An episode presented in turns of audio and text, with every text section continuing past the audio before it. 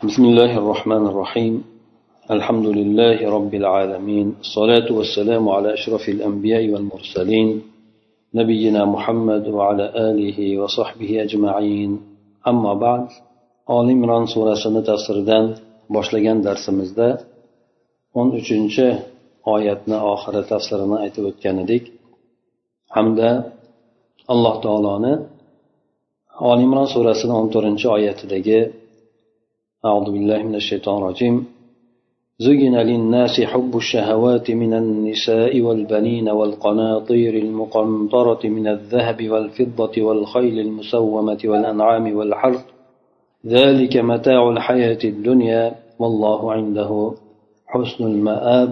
degan oyatga kelib to'xtagan edik alloh taolo bu oyat karimada insonlarni ya'ni butun insonlarga hammasiga xitob qilgan holatda ya'ni mo'minigayu kofiriga hammasiga bayon qilgan holatda aytib o'tdiki demak odamlar uchun nima narsa dunyo narsalaridan yaxshi ko'rsatib qo'yildi.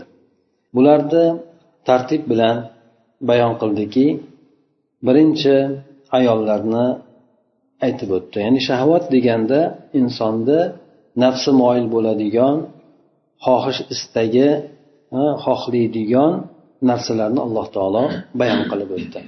Birinchi ayollar dedi undan keyin farzandlar. Tillayu kumushdan g'amlab jamg'arib qo'yilgan boyliklar katta katta boyliklar hamda sovutib qo'yilgan otlar chorvalar bog'roqlar yoki ekinzorlar mana shu narsalarni muhabbati odamlarga juda chiroyli qilib ko'rsatib qo'yildi deydi mufassirni ham gaplarini aytib o'tadigan bo'lsak bu oyat borasida aytadiki زين للناس حب الشهوات من النساء والبنين والقناطير المقنطرة من الذهب والفضة أي حسن للبشر حب أنواع الشهوات التي يفتن بها الناس من النساء وبدا بهن لأن الفتنة بهن أشد والميل نحوهن أعظم والبنين أي الأولاد لأنهم بهجة النفس وقرة العيون والقناطير أي الأموال الكثيرة المكدسة من الذهب والفضة والقنطار في اللغة المال الكثير الذي لا يحصى والمقنطرة أي المكدسة المخبوبة في الخزائن من أصناف الذهب والفضة. Demak odamlar uchun ayollar farzandlar tillayu kumushlardan iborat bo'lgan g'amlab qo'yilgan judayam katta boyliklar. Shu narsalarni istak muhabbati odamlarga chiroyli qilib berildi dedi. Bu narsalarni hammasini muhabbati insonlarga qayerdan keldi? Kim chiroyli qilib berdi? Bu yerda agar oyatga qaraydigan bo'lsak oyatda zuyina deb majhul suratda kelyapti. Fe'l majhul suratida ya'ni uni qiluvchisi zikr qilinmadi. Shuning uchun olimlar bu borada ikki xil fikr aytishgan ekan. Birisi esa albatta ziynatli qilib qo'yuvchi bo'lgan zot alloh taolo ya'ni asli bu narsalarni muhabbatini alloh taolo insonlarni qalbiga solib qo'ydi. Lekin bu narsalar betaraf bo'lgan narsalar. Betaraf deganimiz inson bularni yaxshilik yo'lda ham ishlatishligi mumkin yoki bo'lmasa yomonlik yo'lda ham ishlatishligi mumkin. Asli bularni muhabbatini alloh taolo insonlarni qalblariga solib qo'ydi. Mo'min odam bu narsalarni yaxshilik yo'lda ishlatishligi bilan alloh taologa qarab yuksaladi. Kofir yoki bo'lmasa munofiq shunga o'xshagan kimsalar bu narsalarni ishlatadida yomonlik yo'lda ishlatib turib bu bilan jahannamga qarab ketadi. Ikkinchi ya'ni ziynatlab qo'ygan ma'nosi bu shayton deb aytishadi. Ya'ni shayton insonlarga shu narsalarni muhabbatini ziynatli qilib beradi.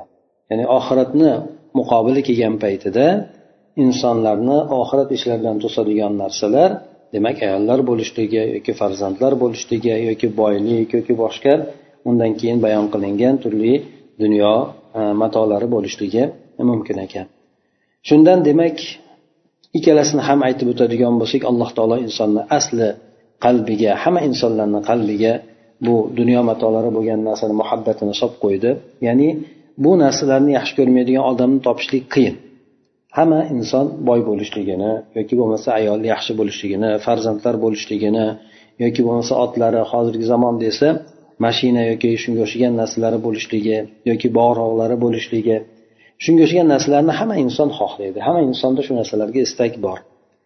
Shaytonni bu yerda qiladigan ishi esa aytib o'tganimizdek insonlarni oxiratda muqobilda bu narsalarni insonlarga ziynat qilib ko'rsatiladida shayton tomonidan hamda insonlarni bu bilan oxiratdan to'sib qo'yiladi.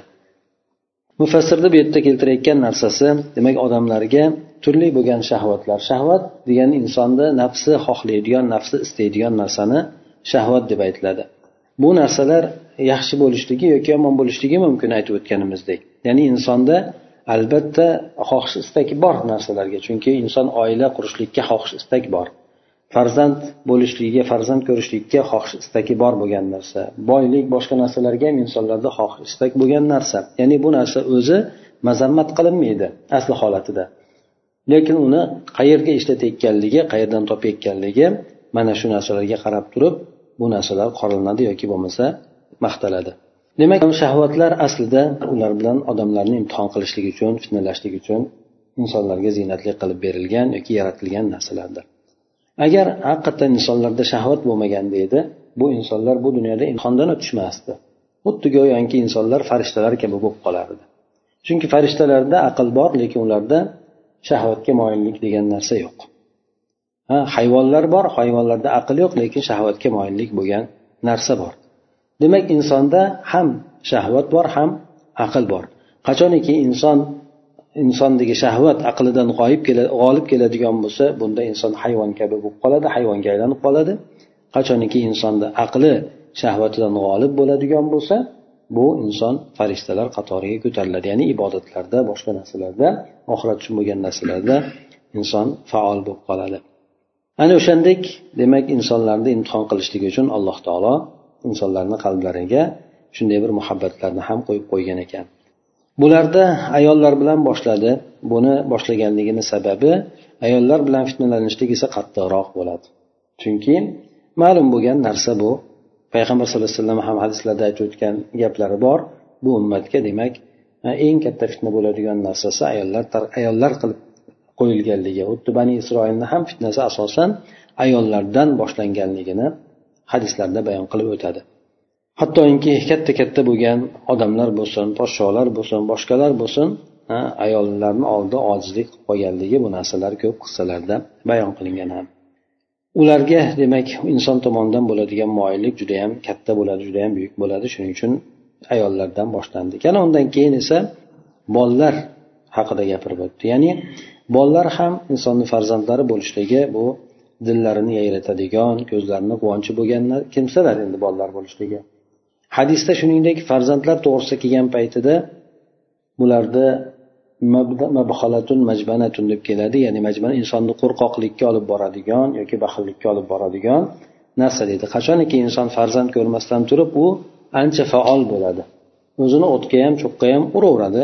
Farzandlar bo'lib biroz katta bo'lgandan keyin esa inson sekin sekin bunday bo'lgan faoliyatlarni yo'qotadi orqaga chekinib qoladi. Ko'p ha? Ya'ni o'zini ehtiyot qilib qoladi. Sababi ma'lum shuning uchun hadisda ham keltirganligi bu. Inson qo'rqoq bo'lishligiga sabab bo'ladigan hamda baxil bo'lishligiga sabab bo'ladigan vositalardan birisi deb aytiladi.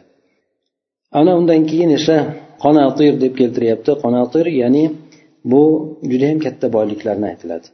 Ya'ni inson o'ziga yetarli bo'lgan E, boylik bo'lishligi mumkin lekin inson tabiatida yana ham ko'proq ko'proq kattaroq bo'lgan boylik bo'lishligini inson xohlaydi. Shuning uchun bu yerda keltirayotganligi tilla kumushlardan iborat bo'lgan e, g'amlab qo'yilgan ko'p katta boyliklarni inson xohlaydi.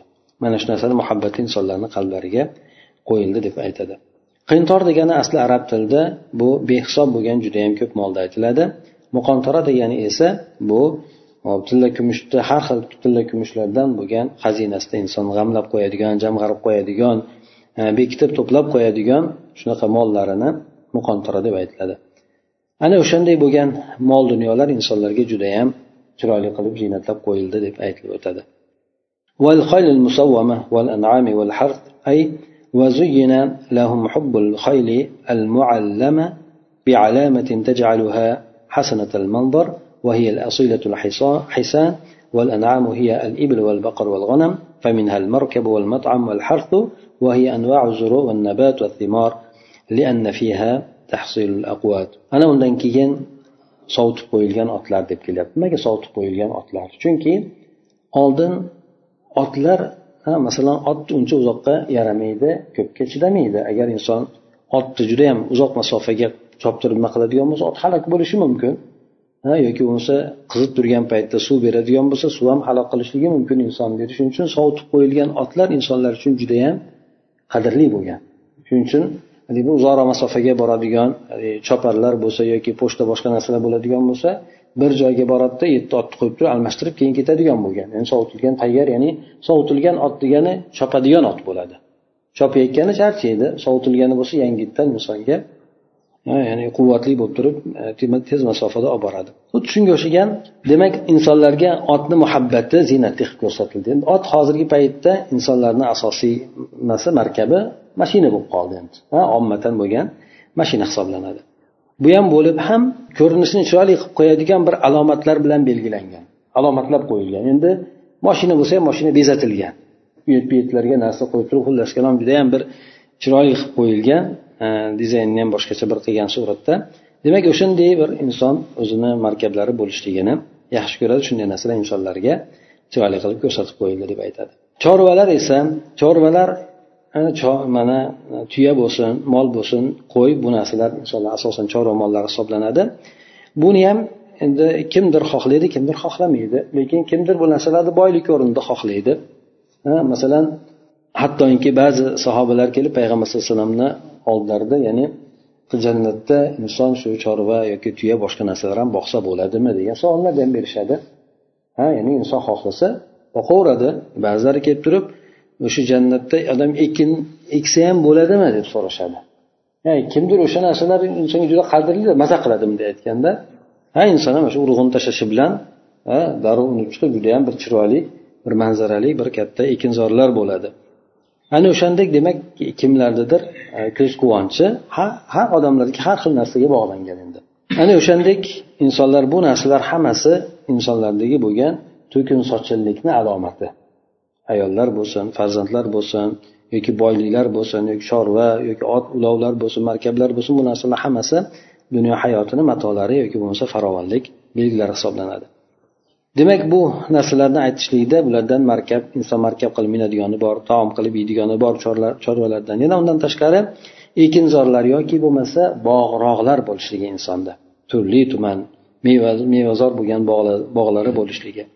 Mana shu narsalarda deydi ya'ni odamlarga ozuqalar bo'ladigan hosil bo'ladigan narsalar bor. Ya'ni bu narsalarni hammasi insonlarga chiroyli qilib ko'rsatib qo'yildi. G'olibiyat insonlar hammasi bo'lishligini yoki bulardan ko'plari bo'lishligini xohlaydi. Orzu qiladi shuni ortidan yuradi. Alloh taolo bu narsalarni bayon qilib aytdiki bu narsalarda hammasi dunyo hayotini matosi dedi. Dunyo hayot mato degani nima degani o'zi mato degani inson bir foydalanib u narsani asorati qolmaydigan narsaga mato deyiladi. Go'yoki inson bir judayam bir shirin bo'lgan ovqatni yedi mana judayam bir shirin bo'lgan ovqat deydida og'izda ham qoldi deylik. Ta'mi juda shirin bo'lganligidan. Lekin bir ikki kun o'tar o'tmas uni na asorati qoladi na uni quvvati na boshqa narsasi qolmaydi. Go'yoki u narsa bir o'tmishdek bo'lib qoladi. Demak bu narsalar hammasi dunyo matolari. Inson bu dunyodan o'tar ekan bu narsalarni hammasini qoldirib ketadi lekin bu narsalardan oxiratda hech qanaqangi asorati bo'lmaydi.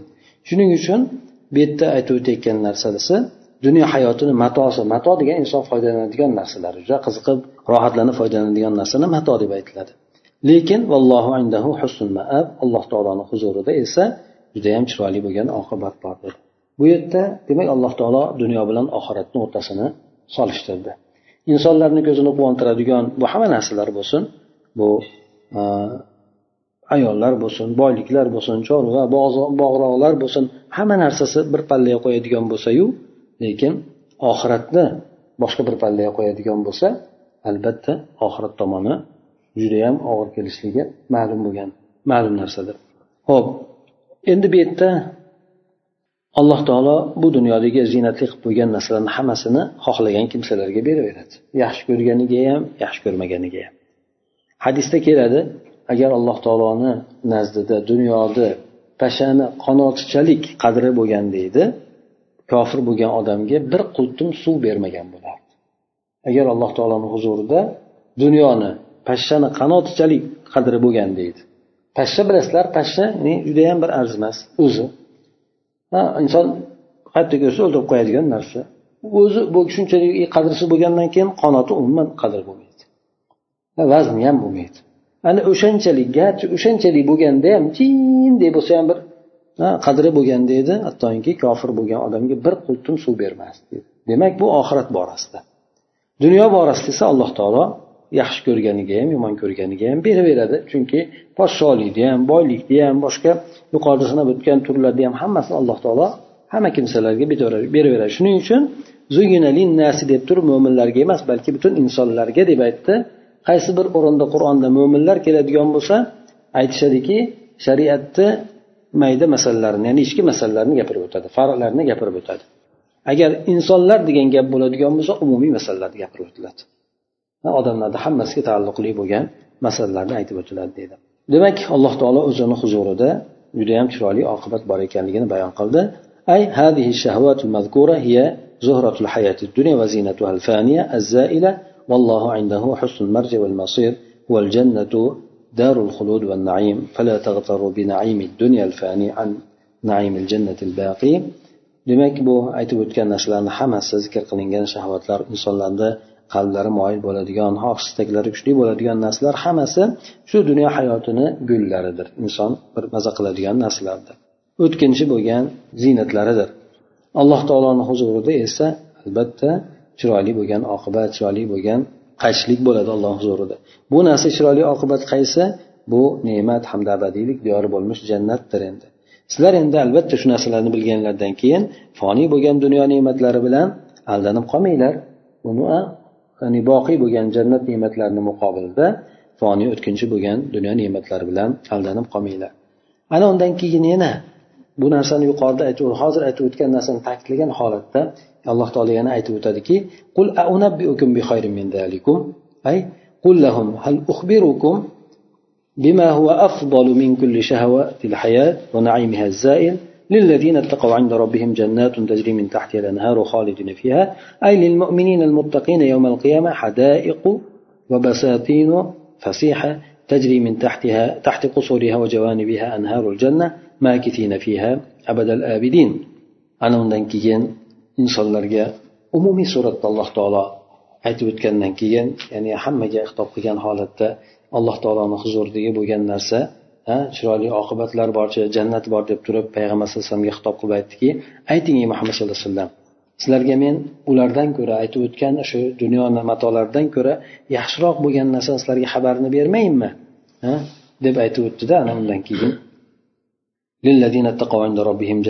Ya'ni taqvodor bo'lgan kimsalar uchun robbilarini huzurida jannatlar bor dedi. Bitta jannat emas balki jannatlar bor dedi. Bu jannatlarni ostlarida anhorlar oqib turadi unda ular abadiy qoladilar deb mana undan keyin oyatlarni alloh taolo jannat haqida bayon qilib o'tadi. Demak alloh taolo dunyo matosini zikr qilgandan keyin dunyo matosini o'zi o'tkinchi bo'lgan narsalar deb hisobladida ana undan keyin alloh taoloni huzurida abadiy bo'ladigan ne'matlar haqida alloh taolo bayon qilishni boshladi. Demak mufassir aytadiki ayting muhammad sallallohu alayhi vasallam sizlarga e, butun dunyo hayot e, hayot e, shahvatlari yoki xohish istaklarini hammasidan ko'ra afzalroq bo'lgan uni o'tkinchi bo'lgan ne'matlardan ko'ra afzalroq bo'lgan narsalarni xabarini bermaymi deb turib bu bo'ladigan oxirat ne'matlari hamma uchun emas. Bular robbilarini huzurida taqvo qiladigan kimsalar uchun bular uchun ostlaridan daryolar oqib o'tadigan jannatlar bor dedi. Ya'ni taqvodor bo'lgan mo'minlarga qiyomat kunida judayam keng bog'roqlar bor. Bu bog'roqlarni qasrlarini ostidan atroflaridan jannat daryolari oqib o'tadi. Ular unda abadiy abad unda qoladilar. Demak dunyo matosi nima bo'ladi? Har qanaqangi boyni boyligini ham quvvatli odamni quvvatini ham sog'lomni sog'ligini ham hammasini o'lim bitiradi. O'lim kelsa hammasi ketadi. Ha demak inson bu hayotda dunyoda qo'lida bo'lgan narsani yo'qotib qo'yishdan qo'rqib yashaydi. Boy bo'ladigan bo'lsa ne'matidan yo'qotib qo'yishdan qo'rqadi. Yo quvvatli bo'lgan odam ham xuddi shuningdek lekin jannatdagi bo'ladigan oqibat esa abadul abad bo'ladi inson yerga tushadigan bo'lsa. Yana alloh taolo bayon qildiki va ridvanun minalloh. Hmm, ay va lahum zawjatun munazzahat. عن الدنس والخبز لا يتبولن ولا يتغوطن ولا يخضن ولا يخضن ولا يعتريهن ما يعتري نساء الدنيا ففوق هذا لهم مع ذلك النعيم رضوان من الله عظيم كما جاء في الحديث القدسي وحل عليكم رضواني فلا أسخط عليكم أبدا. بعده أبدا رواه البخاري. Ana undan keyin alloh taolo bayon qildiki demak pokiza bo'lgan ayollar bor dedi. Yana alloh taoloni roziligi bor dedi. Yuqorida ayollar deb umumiy suratda aytdi. Ularni sifatlarini bayon qilmadi. Lekin jannatda aytilgan paytda pokiza bo'lgan ayollar dedi. Pokiza bo'lgan ayollar. Bular nimadan pokiza bo'lgan? Ya'ni nopok bo'lgan hamma narsalardan. Ya'ni najosat bo'lgan nopok bo'lgan hamma narsalardan pokiza bo'lgan. Bular kichik katta hojatlarni o'tamaydilar hayz ham ko'rmaydilar. Yana dunyo ayollariga yetadigan narsalar bularni birontasiga yetmaydi. Ya'ni hech qanaqangi kasallik bo'lsin zaiflik bo'lsin boshqa boshqa narsalar bo'lsin ya'ni ular juda ham sog'lom juda ham chiroyli juda ham insonni havasni keltiradigan darajada bo'ladiki ha bular faqatgina kimlarga aytiladi bular o'sha taqvodor bo'lgan ya'ni yuqoridagi bo'lgan shahvatlarni hammasini to'g'ri yo'nalishda ishlatadigan odamlar uchun bo'ladi bu narsalar. Yana bundan tashqari yana bu, bu ne'matlardan tashqari alloh taolo tomonidan bo'lgan buyuk rozilik bor. Bu hadis qudusida ham keladiki alloh taolo butun jannat ahllarini hammasini jamlab turib sizlar uchun bir ne'matimni beraymi deganda hamma ne'matlarni berding yana qanday ne'mating qoldi deganda aytadiki alloh taolo demak sizlardan roziman deydi. Bundan keyin hech ham sizlarga g'azab qilmayman deydi. Ana o'shandek alloh taoloni roziligini e'lon qilishligi ham jannatdagi juda katta bir ne'matlardan birisi hisoblanadi. Shuning uchun alloh taolo bu yerda hadis qudsiyda aytgan ekan men sizlarga roziligimni tushiraman sizlarga bundan keyin hech ham g'azab qilmayman deb aytar ekan. Buni imom buxoriy rivoyat qilgan ekan. Demak alloh taolo insondan rozi bo'lib turishligi insonni ne'matga alloh taolo to'la to'kis ko'mib qo'yishligi ham bo'ladi. والله بصير بالعباد أي رقيب مطلع على أعمالهم فيجازي المحسن بالإحسان والمسيء بالإساءة الله تعالى بندلرni hammasini qilgan ishlaridan xabardor ko'rib turadi dedi demak qaysi bir insonlar yuqorida aytib o'tilgan shahvatlarni qaysi o'ringa ishlatyapti ha demak alloh taolo aytib o'tganimizdek hammaga shu narsani ne'matlarni beradi boylikni musulmonga ham musulmon bo'lmaganga ham beradi farzandlarni ham yoki bo'lmasa aytaylik otlar yoki mashinalar bo'lsin boshqa aytib o'tgan yuqorida bo'lgan narsalarni hamma insonlarga beraveradi lekin insonlarni qaysi o'rinda qanday ishlatayotganligidan alloh taolo hammasidan xabardor ko'rib turadi demak sizlarni ularni amallaridan alloh taolo xabardor bo'lib turadi yaxshilik qilgan odamni yaxshiligi bilan yomonlik qilgan odamni esa yomonligi bilan jazolab mukofotlaydi bu taqvodor bo'lgan kimsalar kim nima amal qiladi bular aytadiki الذين يقولون ربنا إننا آمنا فاغفر لنا ذنوبنا وقنا عذاب النار أي هؤلاء الذين أعد الله لهم جنات النعيم هم المؤمنون الأبرار الذين يقولون ربنا إننا آمنا بك وبكتاب بكتبك ورسلك فاغفر لنا ما اقترفناه من أوزار ونجنا برحمتك من عذاب النار ya'ni bu taqvodor bo'lgan yoki jannatga kiradigan jannat egalari bo'ladigan kimsalarni sifati bular doimiy suratda alloh taologa aytib turishadiki parvardigor olam biz senga iymon keltirdik biz gunohlarimizni mag'firat qilgin deydi. Demak bular alloh taologa doim duoda bo'ladi. Alloh taologa doim bog'lanib alloh taoloni hojatlarini so'raydi. Chunki har qanaqangi inson borki albatta alloh taologa har narsasida muhtojdir. Bular o'zlarini ehtiyojini shunday qilib bayon qilishadi. Demak alloh taolo yuborgan narsalarga iymon keltirdik. Albatta inson qilgan amallarida kamchilikka yo'l qo'yadi. Shuning uchun gunohlarimizni mag'firat qilgin. Vaqina azabannar do'zax azobidan bizni qutqargin deb aytishadi. Chunki hidoyat alloh taoloni qo'lida do'zaxdan saqlashlik ham alloh taoloni qo'lidadir. Ana o'sha ular jannat ne'matlarini tayyorlab qo'ygan kimsalar bular abror ya'ni yaxshilik qiluvchi bo'lgan mo'minlardir bular yaxshilik qilib turib yana alloh taolodan doim o'zlarini kamchiliklarini tuzatishligini so'rab turishadi. Parvardigor olam biz senga iymon keltirdik kitoblaringga rasullaringga iymon keltirdik. Bizni qilgan gunohlarimizni o'zing kechirgin deb yana bizni rahmating bilan do'zax azobidan najot bergin qutqargin deb aytib turadi. Demak bular alloh taolodan so'rayotgan paytida yana bu yerda e'tibor qilishimiz kerak bo'lgan masala inson alloh taolodan duo qilib so'rayotgan paytida qilgan amallarini o'rtaga qo'yib so'raydigan bo'lsa bu ham ijobat bo'lishligiga yaqin bo'ladi. Bu yerda aytishdiki parvardigor olam biz iymon keltirdik. Ha sen aytgan narsalarga biz iymon keltirdik deb o'zlarini qilgan eng katta bo'lgan amallarni bittasini o'rtaga qo'yishdi. Gunohlarimizni o'zing kechirgin dedi. Buni nimasi misoli? Haligi tog' uchta odam borku avvalgi o'tgan ummatlarda sayohatga chiqishadida jihodga chiqishadida qaytib kelayotgan paytida g'orga kirishgan paytda g'orni eshigini tosh tepadan tushib to'sib qoladi. Shunda nima qilamiz deganda oxiri imkon topmagandan keyin dildirisholmagandan keyin alloh taolodan hammamiz amallarimizni o'rtaga qo'yib so'raymiz deydi shunda har bittasi bitta bitta aytgandan keyin g'orni og'zidagi bo'lgan tosh og'zi siljib siljib turib ochiladi. Shu bilan ular hammasi salomat holatda chiqishadi. O'shanda ham demak insonlar qilgan amallarini o'rtaga qo'yib alloh taolodan so'rashgan edi. Bu yerda ham biz iymon keltirdik. Parvardigor olam senga. ana endi gunohlarimizni o'zing kechirgin do'zax azobidan qutqargin deb alloh taologa ular duo qilib iltijo qilishar ekan yana bularni sifatlaridan الصابرين والصادقين والقانتين والمنفقين والمستغفرين بالأسحار deb keltiradi demak ularni beshta bo'lgan sifatlarni bu yerda bayon qilib o'tdi أي الصابرين على البأس والضراء والصادقين بإيمانهم وإخلاصهم في العمل لله والقانتين أي المطيعين المواظبين على الطاعة والمنفقين أموالهم في سبيل الله والمستغفرين ربهم في آخر الليل وقت السحر. وخصص أسحار بالذكر لأنه وقت إجابة الدعاء وخلو النفس وصفاؤها وصفائها desak bo'lar ekan ana aytadiki demak beshta sifatlari bular o'sha jannat ahli bo'ladigan mo'minlarni sifatlaridan birinchisi sabr qiluvchilar dedi yaxshilik qilayotgan paytlarida toat ibodat bo'lsin gunohlardan tiyilishlik bo'lsin bunda inson sabrga muhtoj bo'ladi. Shuning uchun qiyinchiliklar bo'lsin har xil insonga keladigan musibatlar bo'lsin bu narsalarga sabr qiladi.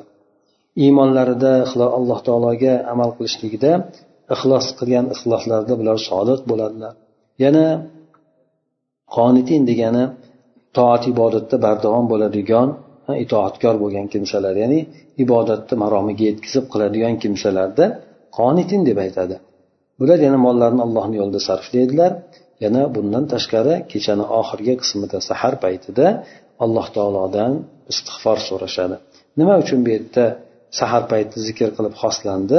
Chunki sahar payti duo ijobat bo'ladigan hamda insonni nafsi xoli bo'lib musaffo bo'ladigan paytdir. Ya'ni inson nima deyayotganligini yaxshi anglaydi hamda alloh taolo bilan ikkalasini o'rtasida judayam alloh dunyo osmoniga tushib so'rayotgan payti ijobat bo'ladigan paytiga to'g'ri keladi. Ana o'shanday paytlarda bular istig'for aytib alloh taolodan gunohlarini kechirishligini so'raydi deydi. Demak e, jannatga kiradigan odamlar shunchaki yurgan odamlar emas balki e, amal qilgan amal qilganda ham yetkazib maromiga yetkazib ibodat qilgan amal qilgan kimsalar ekan. Bu narsalarni hammasi o'sha yuqoridagi bo'lgan shahvatlarda yoki bo'lmasa aytaylik o'sha shahvat turlaridan bir qanchasini zikr qilib o'tdi. O'sha narsalarni hammasini ishlatgan bular ham lekin ishlatganligida yo'llarini to'g'ri alloh taolo rozi bo'ladigan yo'llarda ishlatgan masalan boyligi bo'lgan boyligidan infoq qilgan sog'ligi bo'lgan sog'ligidan foydalanib ibodatlarni qilgan. Yana sabr qilgan bo'lsa masalan aytaylik Э, harom bo'lgan narsalardan э, o'zlarini sabr qilishgan. Demak bu narsalarni hammasida o'sha insonlar muvaffaqiyatga erishgan yuqoridagi imtihonlarda alloh taolo bularni esa jannat bilan mukofotlagan ekan. Ana undan keyin alloh taolo aytadiki shahidallohu annahu la ilaha illahu val malaikatu va ulul ilm. Alloh taolo guvohlik berdi deb keltiradi. Demak alloh taolo boshqa bir mavzuga o'tdi. Alloh taolo o'zini yakkayu yolg'iz iloh ekanligini guvohligini berdi. Farishtalar ham ilm egalari ham guvohlik berishdi. Alloh taoloni yakkayu yolg'iz iloh ekanligiga. أي أقام الحجج والبراهين على وحدانيته فيما خلق وأبدع في هذا الكون وشهد لنفسه أنه واحد أحد لا شريك له في خلقه وملكه وهذه أعظم شهادة يشهد فيها الله وملائكته وأهل العلم على تفرده بالوحدانية والخلق demak alloh taolo o'zini yakka yolg'iz ekanligiga yaratgan narsasida ham mana bu koinotda alloh taolo yangitdan paydo etgan narsalarda ham hammasida o'zini yakka yolg'iz ekanligiga hujjatlarni alloh taolo tiklab qo'ydi. Hujjat dalillarni alloh taolo keltirib qo'ydi. Va o'ziga alloh taolo guvohlik berdiki yakka yagona ekanligini yaratishlikda ham mulk egaligida ham alloh taoloni sheriki yo'q ekanligiga guvohlik berdi. Bu judayam bo'lgan buyuk bo'lgan guvohlik ediki alloh taolo bu guvohlikni o'zi ham berdi farishtalar ham berdi ahli ilmlar ham berdiki bu narsalar alloh taoloni yolg'izligiyu yaratishida ekanligini ifodalovchi edi. Demak bu yerda alloh taolo guvohlik berishlik bilan birgalikda farishtalarni hamda ilm egalari bo'lgan kimsalarni alloh taolo o'zini qatoriga qo'ydi. Ya'ni sharaf jihatdan mana shu alloh taolo bularni ham o'ziga qo'shib zikr qilganligini o'zi yetarli bo'ladi deydi ya'ni ahli ilm bo'lgan kimsalar qachoniki qaysi ahli ilmlariki alloh taolo e'tibor qilgan demak ilmi amaliga mos keladigan ahli ilmlar shunday qilib guvohlik berishligini alloh taolo bu yerda bayon qilib o'tdi قائما بالقسط أي مقيما للعدل فيما يقسم من الآجال والأرزاق demak alloh taolo guvohlik berdi adolatni qoyim qilgan holatda Adolatni qoyim qilgan ya'ni hamma narsada shu jumladan insonlarni ajallarini taqsim qilishlikda ham rizqlarni berishlikda ham hamma narsada alloh taolo adolat qilgan hech qaysi bir narsada bir kimsaga zulm qilmagan. Masalan aytaylik alloh taolo bir kimsaga bir muddatni bergan bo'lsayu e, masalan yigirma yil o'ttiz yil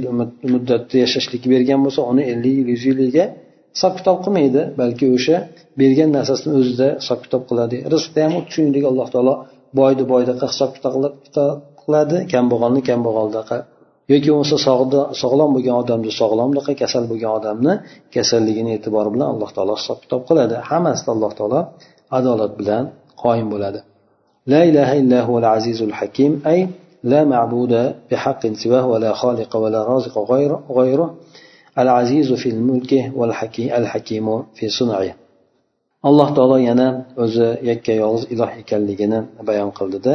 Uni ortidan esa izzatli bo'lgan ya'ni hamma alloh taologa muhtoj alloh taolo esa hech kimga muhtoj emas shunaqangi qudratli bo'lgan zot ya'ni hamma narsani hikmat bilan qiladigan zot ekanligini bayon qilib o'tdi. Bu yerda la, la ilaha illalloh degani demak allohdan boshqa haqiqiy bo'lgan ma'bud yo'q.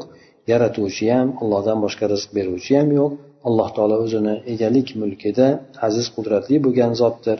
Yana qiladigan ishlarida esa hikmatli bo'lgan zotdir. Ana undan keyin alloh taolo inna din indallohi islom deb e, oyatni boshlaydiki din alloh taoloni huzurida e'tiborli bo'lgan ya'ni jannatga yetkazadigan bo'lgan din hamda o'sha yuqoridagi shahvat bo'lgan aytilgan narsalarni hammasini to'g'ri tasarruf qilishlikni o'rgatadigan din bu islom dinidir. Ya'ni dinlar ko'p lekin islom dini esa alloh taoloni huzurida e'tiborli bo'lgan alloh rozi bo'ladigan dindir. Alloh taolo undan boshqasini hech kimdan qabul qilmaydigan dindir. Bu din butun payg'ambaru elchilarni hammasini dinidir alloh taolo qur'oni karimda boshqa o'rinda ham aytadiki qaysi bir inson islomdan boshqani din deb qabul qiladigan bo'lsa din deb istaydigan bo'lsa bu odamdan u dini qabul qilinmaydi. Ya'ni islomdan boshqa dinga boradigan odamlarni dini qabul qilinmaydi. Bu dunyoda qabul qilinmaydida yana oxiratda ham bu inson ziyonkorlardan bo'ladi dedi.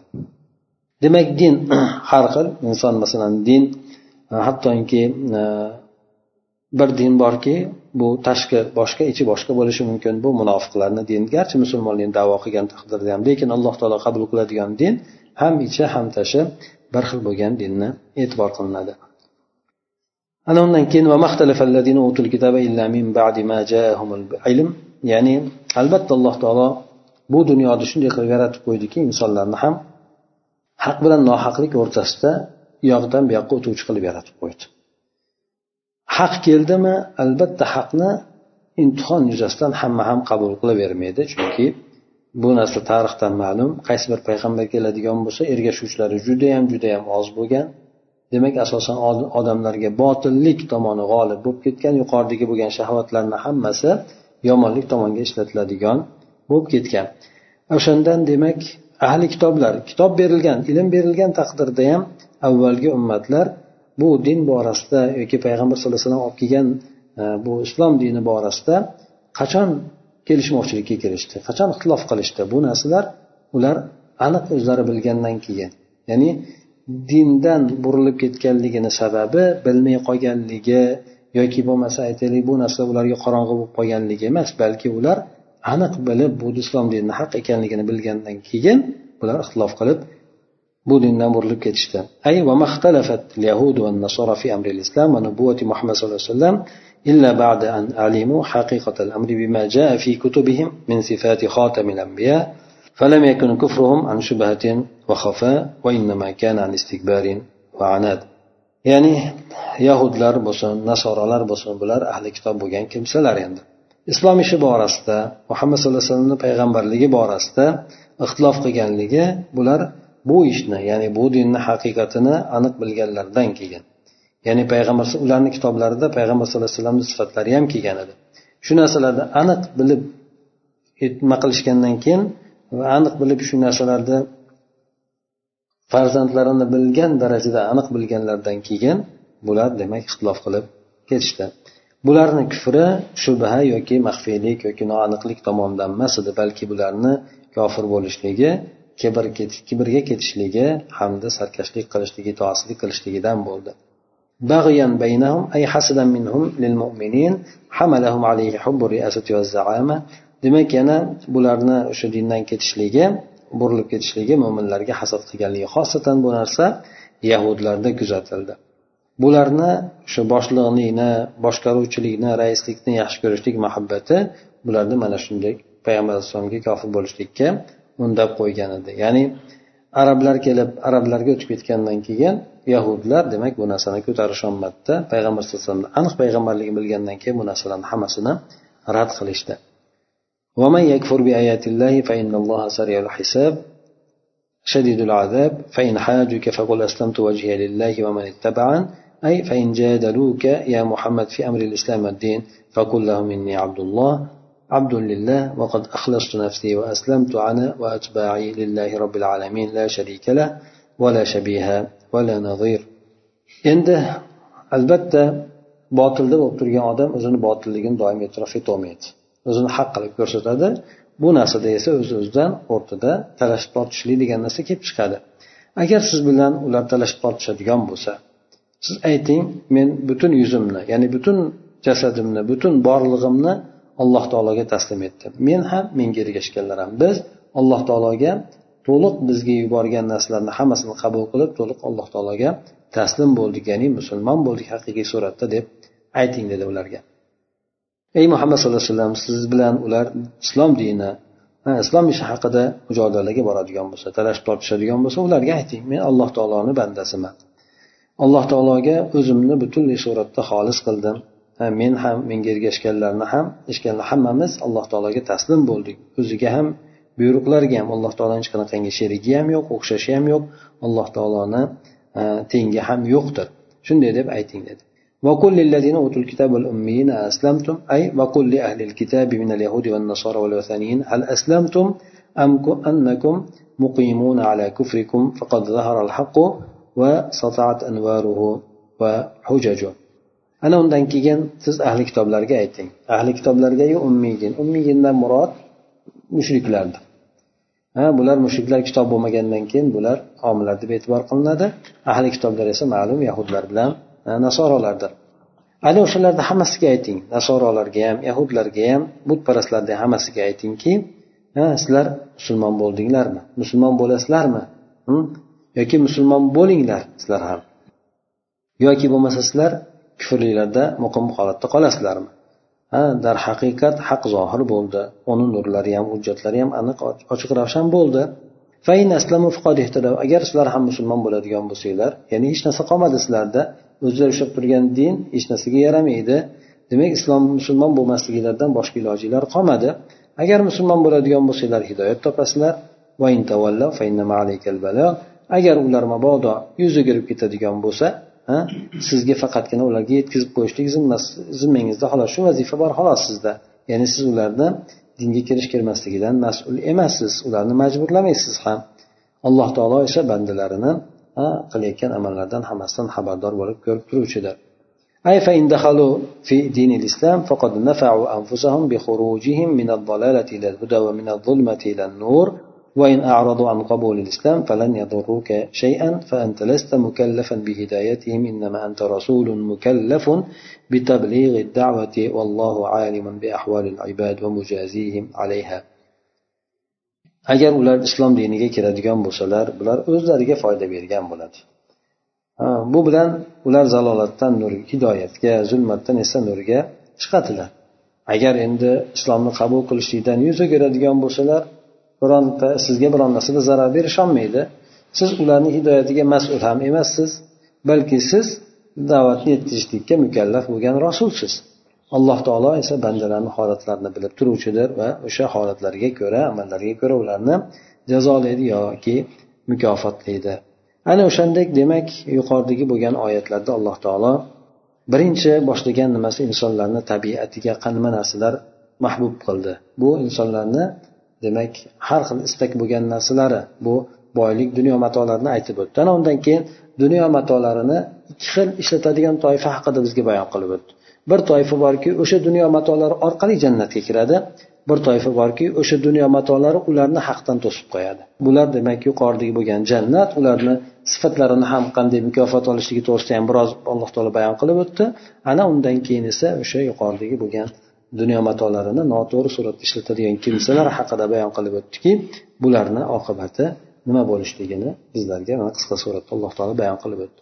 ana undan keyingi oyatda ham ana ayni o'sha kofir bo'lgan kimsalar haqida alloh taolo biroz bizga ma'lumot berib o'tadi سبحانك اللهم وبحمدك نشهد أن لا إله إلا أنت نستغفرك ونتوب إليك اللهم انفعنا بما علمتنا وعلمنا ما ينفعنا وزدنا علما